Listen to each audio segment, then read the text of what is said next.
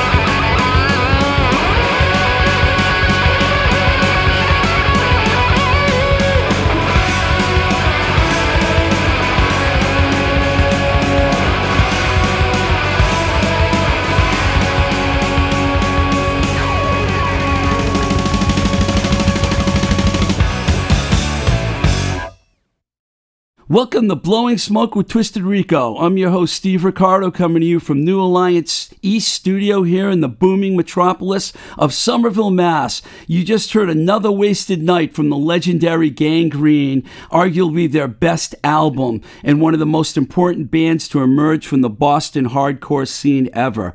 It's a pleasure and an honor to invite Glenn Stilphen to the Blowing Smoke with Twisted Rico podcast. Welcome to the show, Glenn. Hey, Steve, how's it going?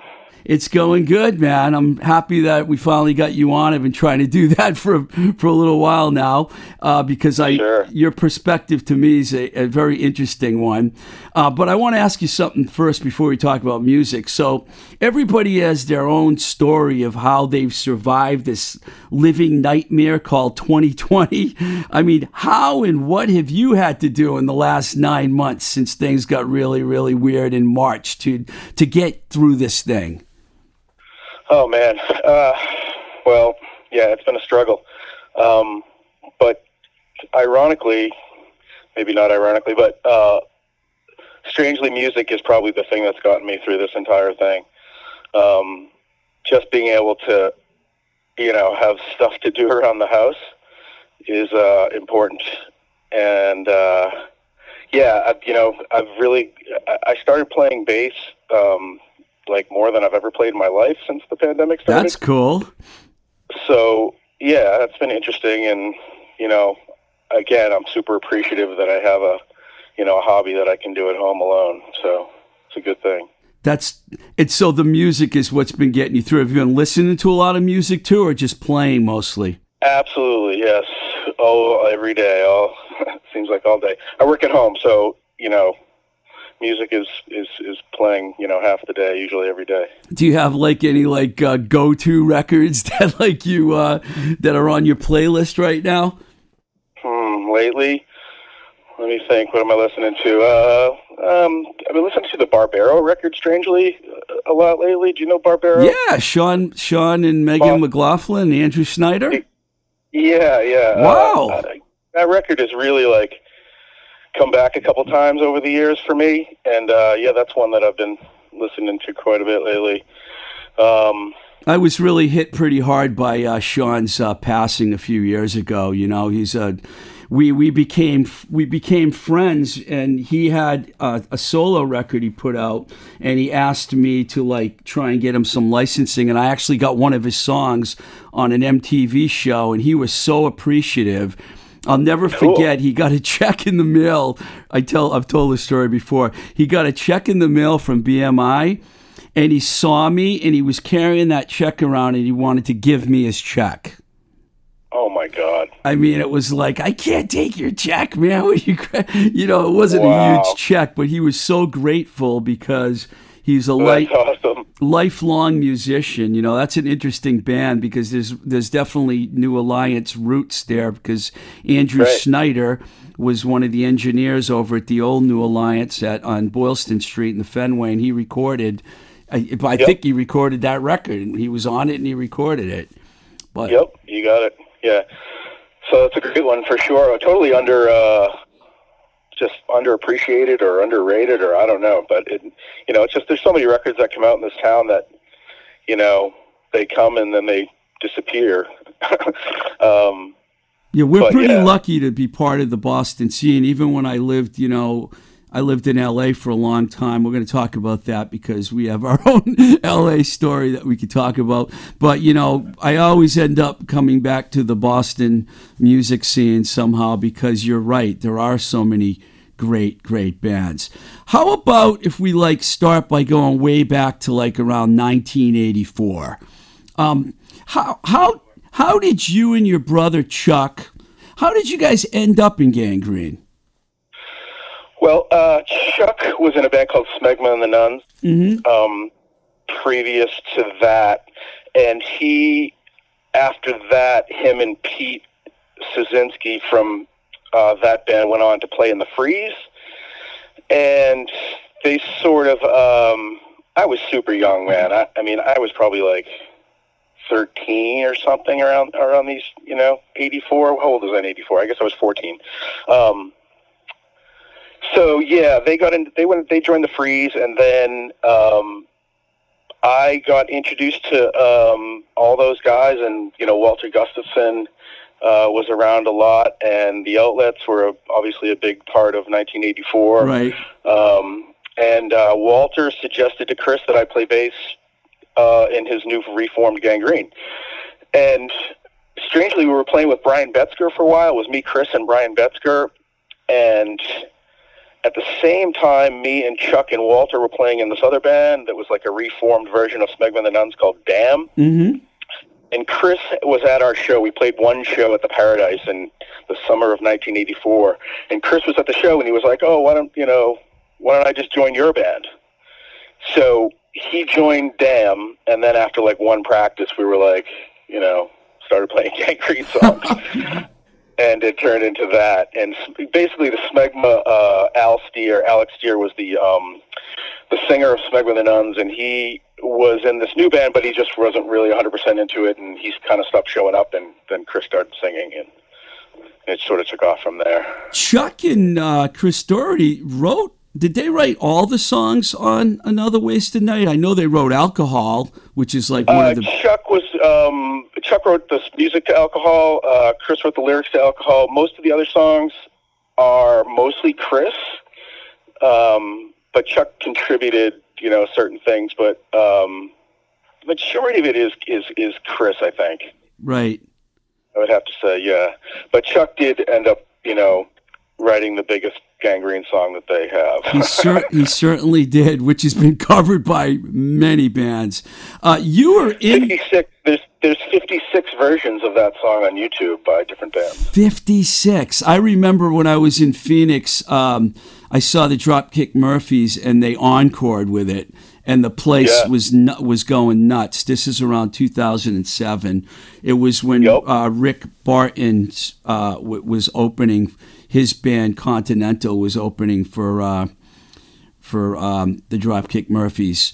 Um, Yep. You you were in the band during some of its most memorable years at, at the at a time when I personally saw the band live, probably more times than any other version, in, in, including the Sure. infamous uh, WBCN Rock and Roll Rumble, which you guys Right. won. What did you take away from that whole experience? Because it was like a total of about what two or three years. It was two years, yeah.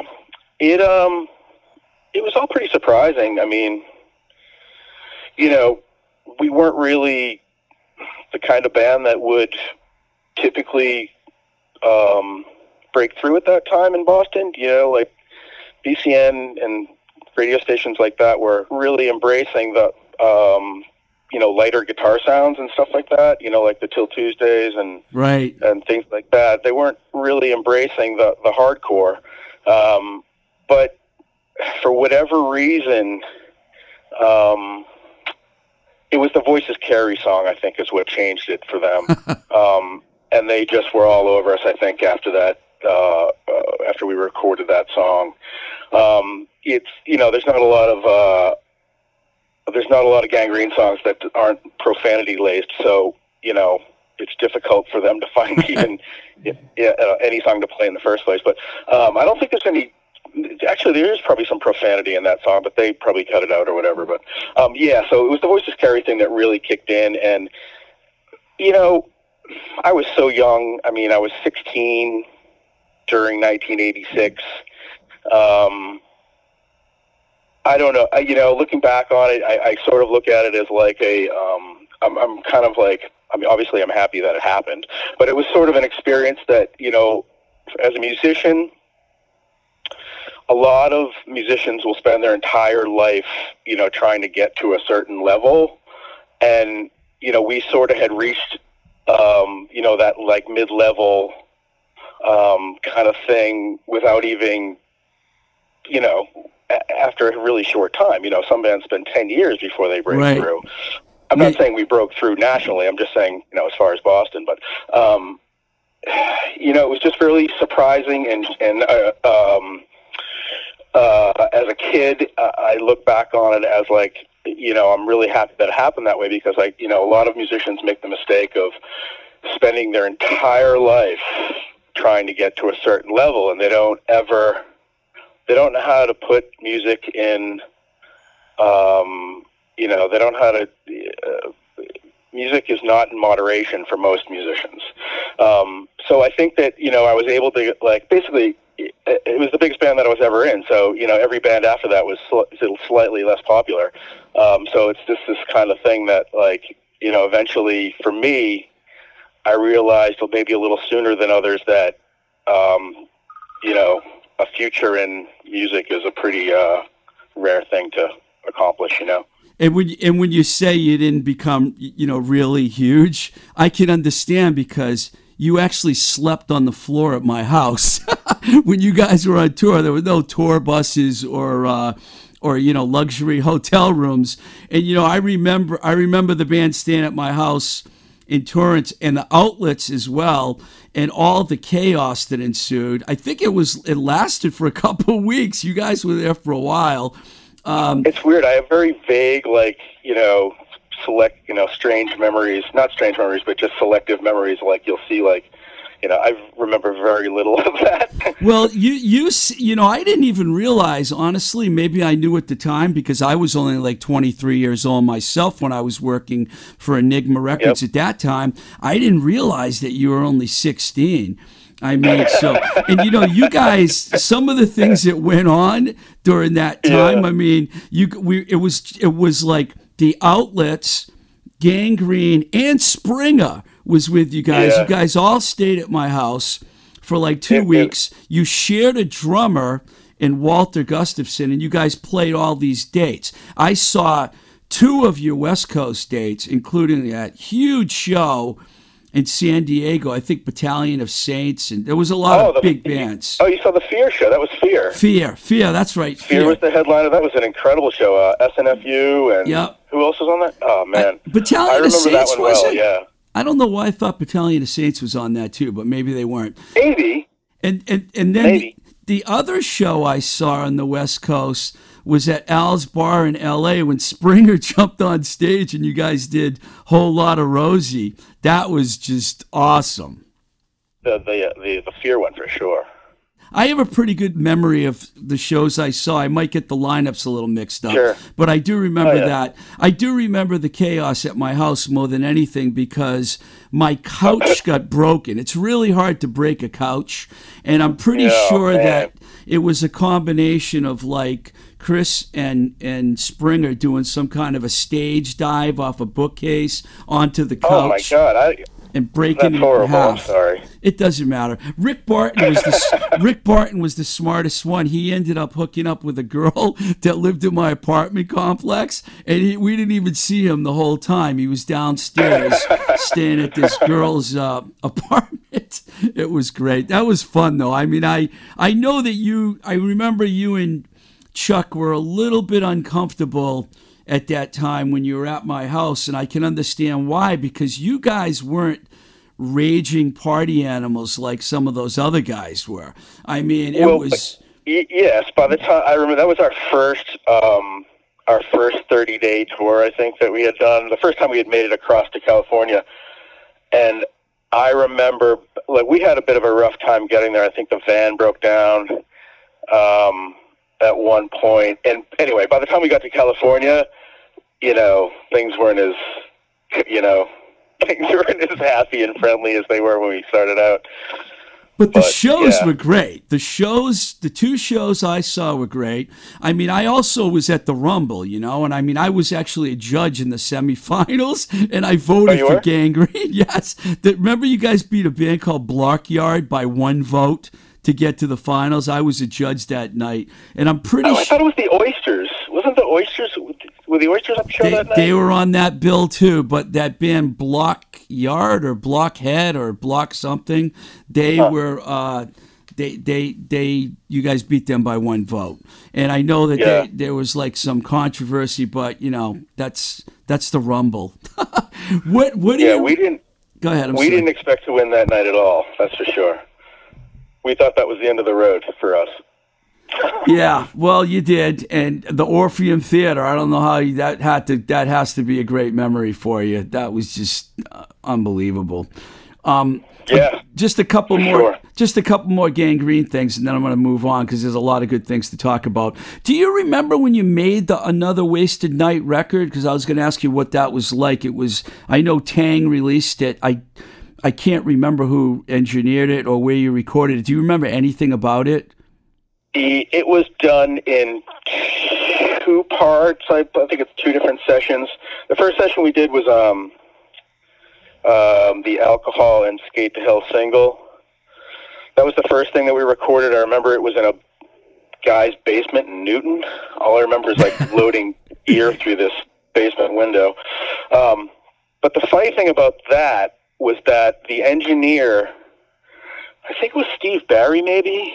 That makes engineer. sense. Yeah, that makes sense. Um, but anyway, there, I'm getting, I might be getting it confused. But there was another session that we did during the, the uh, it was one of the sessions that there was an engineer um, who was this older guy, and I, I don't think he owned the studio. He was just a, like a um, hired engineer, but he was so horrified that at our music that he insisted that he not get credit on the record.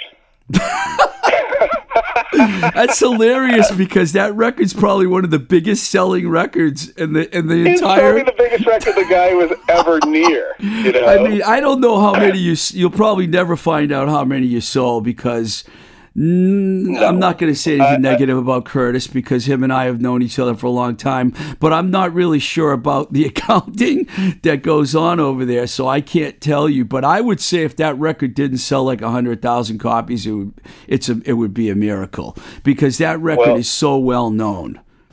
when we were discussing it like like 10 years ago we probably was the last time we ever really talked about it but um, i think it was at like 40000 or something like that then That's good. 10 uh, years ago. Yeah, it's still probably Yeah. selling. How, how yeah I, yeah I, mean, know I know pretty- Go ahead, I'm sorry. i'm pretty uh, i'm pretty proud of the 40 anyway i mean Yeah, you eh, you should be proud, man. You're part of rock history. I know you guys reunited like 10 years later and you did some East Coast shows. I didn't get to see those dates. But how did it come to a screeching halt the first time because the band ended up signing to Roadrunner and, and with Yeah. a whole new lineup. Right. Uh, it, basically, the first time it ended, it basically an argument between Chuck and Chris, which was completely stupid, and um, we were all sort of shocked that uh, Chris, you know, didn't see the light. But they had some stupid argument that just escalated, and it was basically a power struggle thing. You know, Chuck was part of the management of the band, and you know, Chris, it was Chris's band, and so who knows? But so they had a little falling out, and um, I was like, "Fuck it, I'm out of here too," you know. Yeah. Um, When you I- I when, gonna- when you did those reunion dates 10 years later, was it was it good? it was good at the beginning, yes. Um, it, that was sort of organized by Al Peters, even though he wasn't really um, involved in the weekend. But so he's, I think he called us up and expressed. Um, Chris had uh, initiated it, um, and we all thought it was a good idea. And uh, we did. Let me see. We did like the Khyber Pass, I think, in Philadelphia. We did uh, the 930 Club in DC, I believe. Uh, two shows at CBGB's, two shows at the Rat. So it was like a five day weekend sort of thing. Man, I missed And, that. uh, oh, that must have been And great. then at, then that all went fine, and then at the end, um, we added on this. Um, it was a snowboarding contest in New Hampshire somewhere, and it was this you know snowboarding event, and we were supposed to go up there and play at this thing, and Chris and Walter and the manager at the time, I forget his name, didn't show up to pick up the gear. My brother, my brother was at the space because my brother uh, was uh, the owner of the uh, Charlestown practice space at, at that time. So we were practicing down in Charlestown, and he was down there waiting for the gear for them to show up and, and pick up, and they never showed up. Oh man! And he was like, he was like, what? You know, and this is before cell phones. So I was apparently all the, on my way up there already. Like I was driving up there with my girlfriend or something, and uh, so he got in his car and drove up there without the gear, and we just had this terrible argument when we got there, and it was awful. So Well, I'm yeah, it sort of sorry. ended- it sort of ended the same way that it ended in 1986. you know. That's rock and roll, man. Um, all right, let's talk about Mallethead because I thought you guys were a really good band. I mean, it was a it was a more straight ahead, forward, hard rock band. But you guys had Yep. two records out on Frontier Records, which is a really good label. Uh, you know, the self-titled one, and then uh, Yeah, Yeah, Yeah. And you guys Yep. had some great tunes. I remember that song "One Good Reason." That's one Cool. that comes Yep. to mind. I mean, I thought Mallethead was a fantastic band, and I have a really good Mallethead memory. I saw you guys at CBGB's in 1987, and you guys played Your Mind by Dag Nasty, and you actually dedicated the song to me. And I don't, I remember that because I was in the audience, Awesome. and you guys played it, and I was like, this is so cool. That's funny that you. So, so the first time you told me that, I was like, "Really?" I'm like, I couldn't for the life of me remember which song it was, and then you told, you mentioned it. I'm like, I completely forgot about that entire song. I forgot about us playing it. I forgot about the whole thing. But anyway, yes, you're. you're I'm, I'm glad that you reminded me Yeah, I mean, I was because it was a I- great song. I was really in shock because I'm standing there. It was a hardcore matinee show, and I'm standing there, and all of a sudden, you guys played that song and dedicated it to me. And I was like, you know, I was working with Dag Nasty at the time, so it was pretty cool. Um, Yep. What are your recollection? Your recollection of Mallethead? I thought that was a, a really, really good band, by the way. Um, it was the late '80s were a really strange time. You know, um, I look back on it more positively now than I did at the time. Like, I think I was a little bit frustrated with it. Um, I wasn't exactly uh, um, thrilled about. I, I didn't. People perceived that because of the name, we were perceived as a heavy metal band, and that wasn't really the case. And it was the late '80s, and we sort of got lumped into a lot of like, um, because you know, it was guitar music, but it wasn't exactly like hair metal. To me, it kind of was was a- like the cult, right? You guys sound a little like the cult, right? So, yeah. I mean, that was sort of what we thought about it. But you know, as far as like you know, uh, the mainstream went, like the whole, you know, everybody with the hair metal thing was just massive. So you know, we would get like approached by record labels, and they would want us to like, they'd want to like make us into like a, um, a hair metal band. Like we got, we got, we got. Uh, you know, approached a couple times by labels that wanted us to. They liked our music, but they didn't like what we looked like and we were like, "What?" we were like, "What?" Because we didn't, you know, we were like jeans and t-shirts guys, and it just at the time, you know, whatever reason, it was just a, you know, the late '80s were really strange. I remember I remember talking to uh, Graham Hatch and uh, Lisa Fancher quite a bit Yep. during that time because I was actually Graham was our Graham was our number one fan. yeah I was trying to help you guys man I from and I was working at Giant Records at the time but you know Graham and I worked together at Enigma so we knew each other and I was really Cool. excited when when you guys signed with Frontier because they've had some great bands over the years Circle Jerks Suicidal Tendencies you know really really Yep. great label um, so did Mallethead then evolve into Scratch? Was that different members, or was that like? Uh, yeah. Well, no. Um, so the end of Mallethead, I think uh, um, Walter moved back into an outlet. Um, That happened a few times. it happened over and over and over again. Yeah. So he, he, you know, he would bounce around and stuff like that. So I think he went back to the outlets, and um, I think the singer quit, and me and Chuck were just, you know, on a mission to, you know, move forward. Um, and then we met Mike. I met um, Mike, the drummer, in a band called Uncle Betty that I was in in 1990. yeah, I saw that on your list. Yeah, I remember Uncle Yep. Betty. Yep. and Mike, uh, Mike was the drummer of Uncle Betty, and Mike just ended up being a great friend and a great. Uh, uh, he's a great drummer and just somebody that I ended up playing with. Is this you know. Mike LaFave you're talking about? Exactly. So he's Yeah. in the Northern Skulls. too. Right. Right.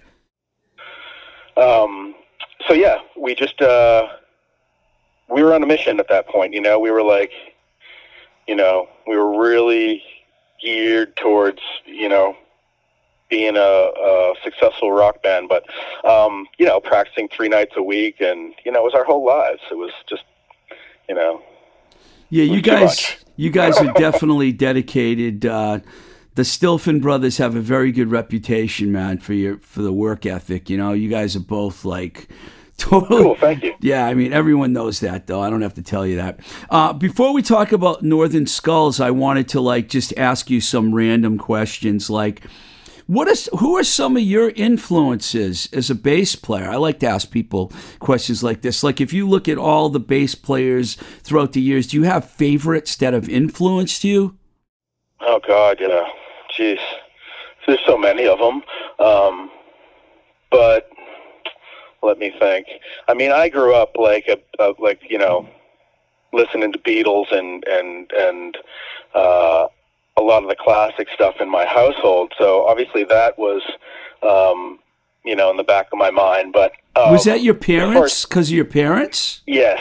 Yeah, That's my mother was really into music. You know, there was always a you know a turntable and a stack of records in the family room. You know, um, but as far as playing music goes, you know, like punk rock was You know, I'm not sure that I would have ever, or you know, my brother was playing guitar when he was probably like 12 or 13 years old. But punk rock sort of, uh, you know, enabled, um, you know, not superior talents to, to, to play music, you know? Mhm. Um, so when we heard things like the Circle Jerks and Sex Pistols and, and those sort of things, we- you know, we were like, geez, you know, I think we could do that, you know? yeah. um, yeah. so it just sort of opened up a whole thing. But yeah, you know, I mean, So is again, Circle McCartney? Would you say McCartney's like one of your influences? Oh then? God, yeah. Yeah? Are you kidding me? Yeah.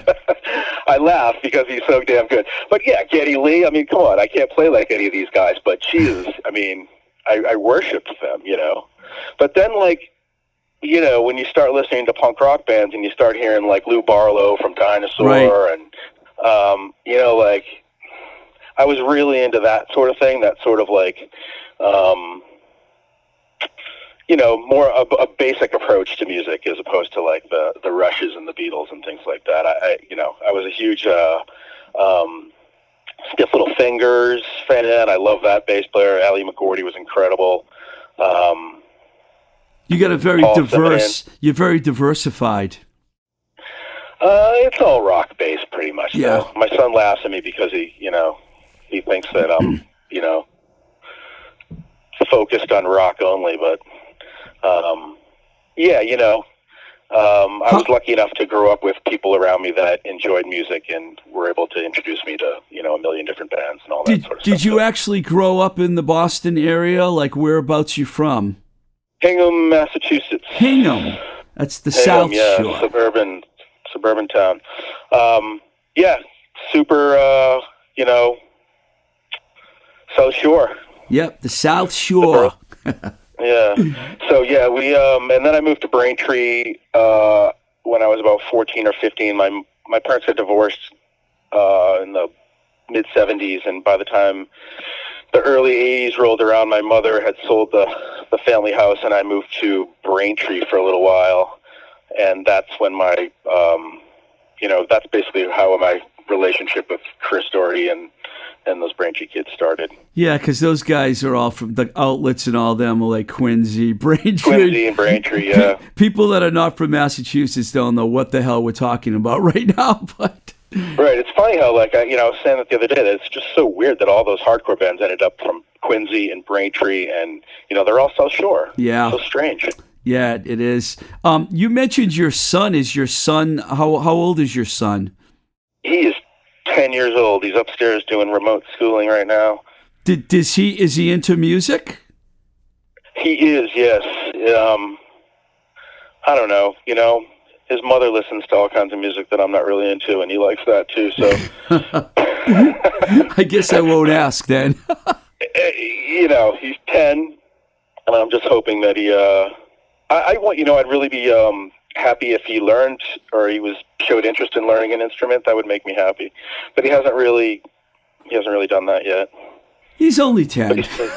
Yeah, he's only. 10. It could happen. Be you know, I always wish that somebody had taught me how to play piano when I was eight years old, but you know, I Not- guess that's. uh you know, not everyone can be in a touring band when they're 16 years old, Glenn. You know, I mean, it's like I, yeah. so. I just got lucky, Steve. I just got lucky because my, you know, basically, I had a mother that was, um, you know, cool, and a and a brother that was a couple years older. So, you know, most 15, 16 year olds aren't lucky enough to to go on the road. But uh, you know, my circumstances were uh, uh, unique enough where I was allowed to do it. So. I really like Chuck. I haven't talked to him in a long time. I I actually watched. I, I was li- I wasn't living here. I was in, living in Pittsburgh when you guys did the uh, the Chris Doherty benefit at the Paradise, and I saw Yeah. the video of Chuck getting wiped out on stage. I was like, "Holy shit!" He's Oh one God. minute you see him, and the next minute he's fucking knocked right off the stage. Did you see Oh it my God. happen? Can you imagine if he got hurt or something? Like I No. would have just been. I, I convinced him to do that. Like he almost didn't do that. He was going to bail, and I pretty much begged him to do the do the thing. And if he had gotten hurt or something, like I would have just been crushed, man. Like Did I you see it happen? I, I was uh, I was right next to him, obviously. Um, so when the song started, it was mayhem, and you know, one minute I looked over and he was there, and then the next second I look over and he's gone, and the whole his whole half stack is gone with him.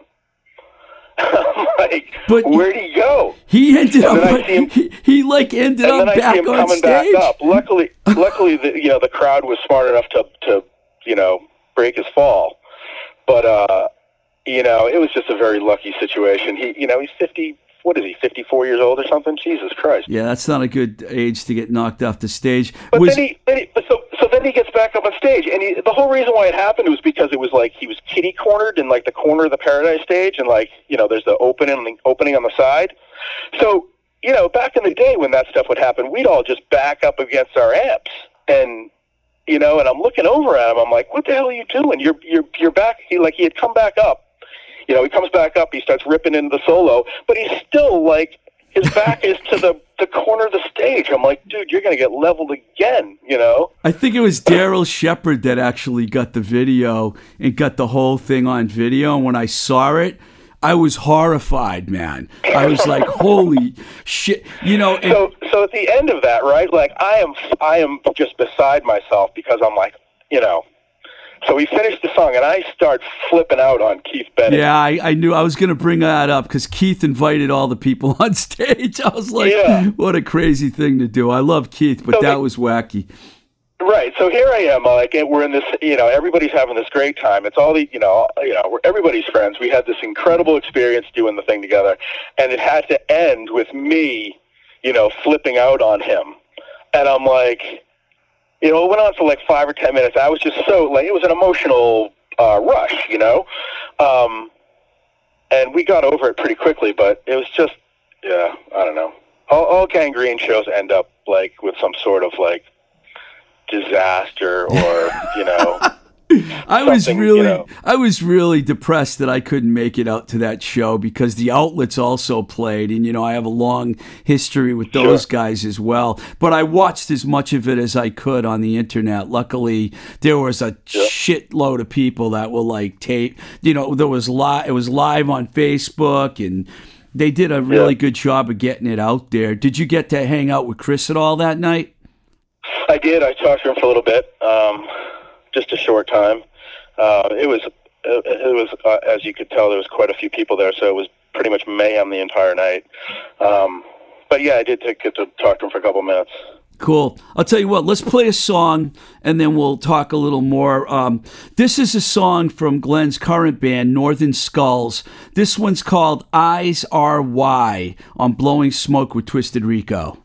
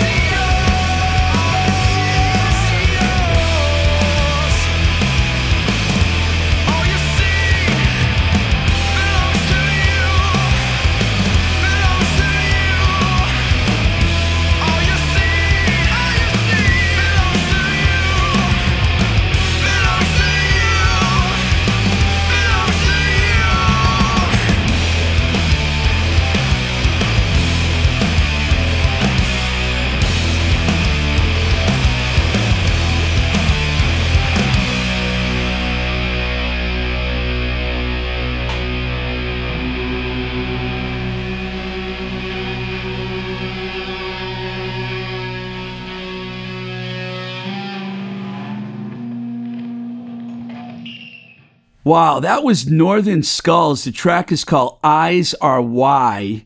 Uh, it was record. That's the name of the track, right? Eyes Are Why, Glenn.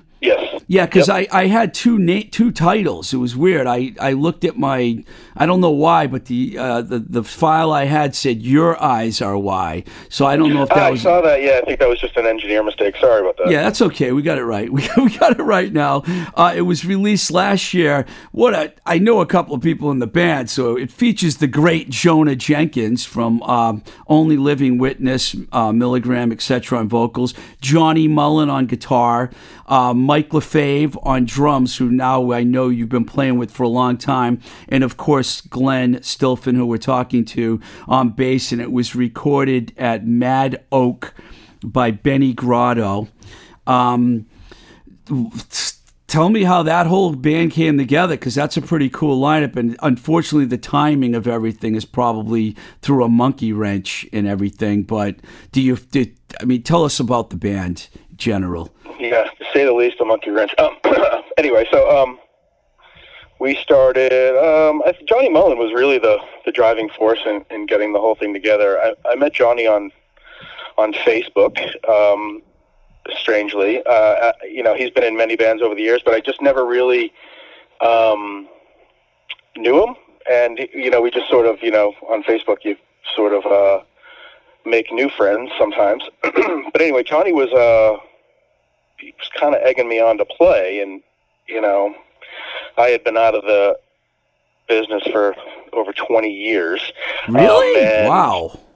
Yeah, I hadn't played with anybody since, I mean, like 1998 or 99. I mean, there's probably like 10 years where I didn't even play bass anymore. Like I was really, I was really done. I mean, I was so. I think by 1996, after that, those Gang Green shows, I think that just left a really sour note uh, in my mouth or sour taste in my mouth. Um, and yeah, my brother wanted to continue on and do something else, and I, I was just done. So I bailed out. Um, ended up getting married and you know doing all that sort of stuff, and um, I got divorced in 2013, and um, probably like 2015 or 2016 I, I started you know i mean i was playing you know fairly often but i think after a couple of years of that i really started getting into it a little more more heavily. Um, and then johnny started asking me to play and i was like no man i'm not doing that you know? I mean i was fine playing around my house by myself and um, had no interest in being in any sort of band situation or you know, I really could, can't even envision it at this point, you know, in my late 40s. Um, but he was just like, just so, you know, uh, yeah, he, Johnny, Johnny's a great guy. And uh, I'm really happy that uh, I got to know him. Um, but anyway, so the long story short, he convinced me to go down to the space, and we started playing. And he just showed, you know, an incredible interest in the stuff that I was doing at the time. And was it know, just you and him when you started? Playing? Yes, we yes we used to just go down and just trade little riffs off of each other for a few weeks, and then we started talking about getting a drummer and you know all that sort of stuff. And uh, you know we didn't start talking to Jonah until I don't know maybe a couple months after that. Um, but Jonah's just always been this you know you know we've always uh, thought of him as a great singer and uh, absolutely a great guy also a great guy. So, you know, he was just sort of the first person and really the only person that we were thinking of at the time. Um, and then luckily, you know, we started, you know, talking to Mike again and uh, it strangely it came together, you know.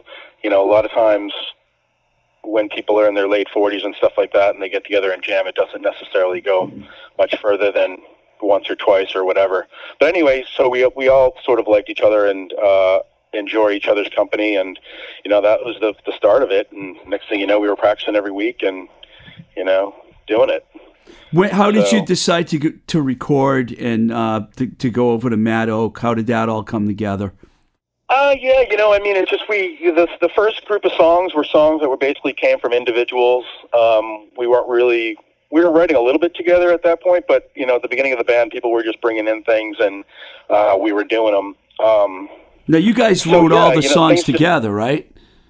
What's that? You guys wrote all these songs together. Did I believe I read that There's, somewhere? there, it's a it's a six song um, EP and four uh, four songs are originals. There's one Husker Du cover on there, and there's a song by a band that Jonah was in before called um, a band called Miltown. Oh yes, yes. After And I we, remember we did one of their songs on the record as Wow. well. The song uh, ni- Nice. nine six forty five is a Miltown song. And these you can get all these tracks on Bandcamp, right? You cannot find the covers. The only way that you can get the covers is if you buy the record. That's So why I don't remember. That's why I don't know about the covers because I don't have a copy of the record. But I was So on the- your the- the- Bandcamp. The, the four original songs are online. Yeah. Cool, cool. Uh, do you think you guys are going to be able to like keep it going once you get once we get through this pandemic?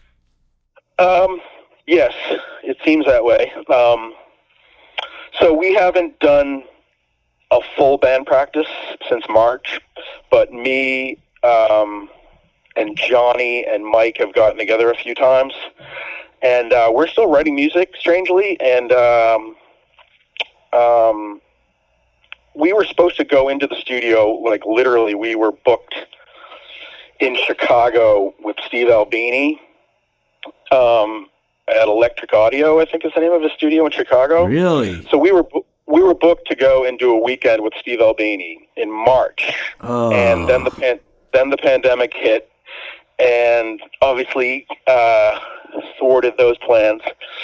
So we're sort of still planning on doing that. We're just not uh, we're just not in the book yet. We're not on the schedule, but we're planning on um, if all goes well with this wonderful vaccine and everything. We're hoping to um, maybe get into the studio in the summertime. well, that's something that we're all going to be looking forward to. Um, thank you, Glenn, Glenn Stilphen, for uh, Yeah, coming on the you. podcast.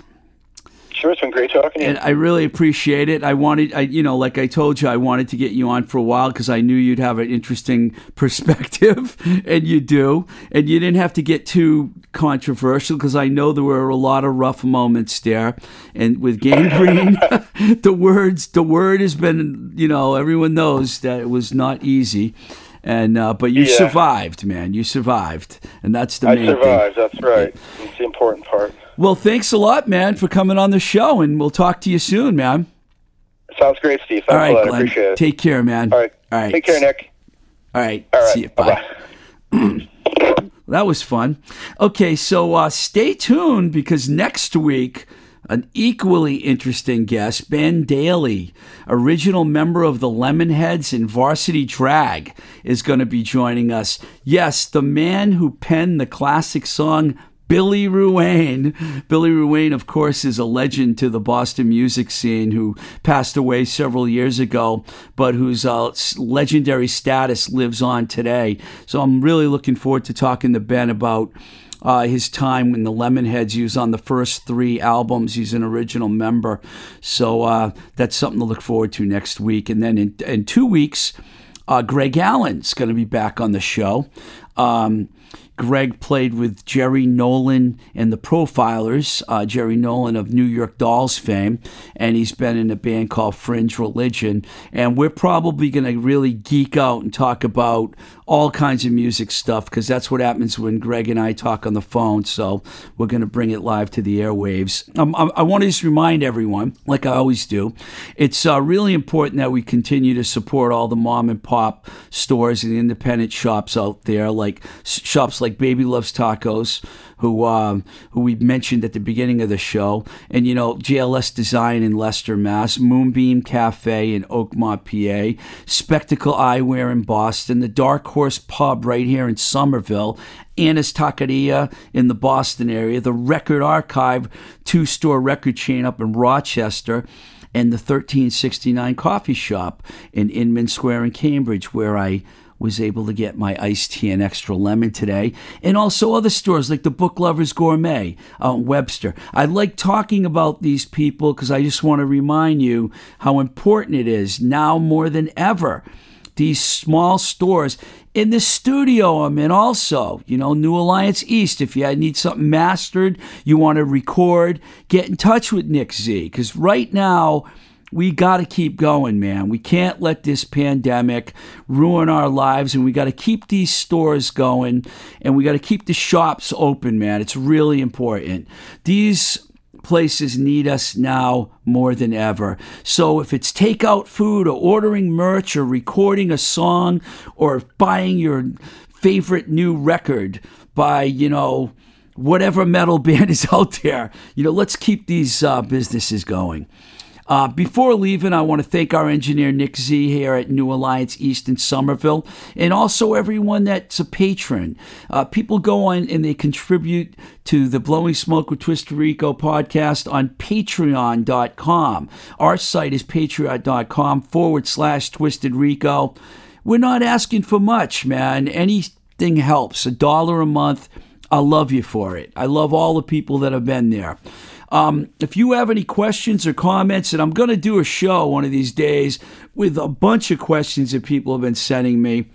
I love talking to the, the rock and rollers I get on here and, and people like Colabrina and all these different people on. So I don't always have time to get to all the emails, but I promise you, one of these weeks I'm going to dedicate a show to answering a bunch of different things that people have asked me about. Uh, you can follow us I'm going to set up an Instagram page for Blowing Smoke with Twisted Rico, but for the time being, at Twisted Rico is where you can find me. Same with Twitter. Also, at Blowing Smoke BS is the Twitter account as well. And uh, you can also find some of our shows on YouTube. And um, just going to keep this thing going, man, pandemic or not. This is Blowing Smoke with Twisted Rico. I'm your host, Steve Ricardo. Till the next time we say goodbye, keep the rock and roll alive. We love you, Busy Phillips.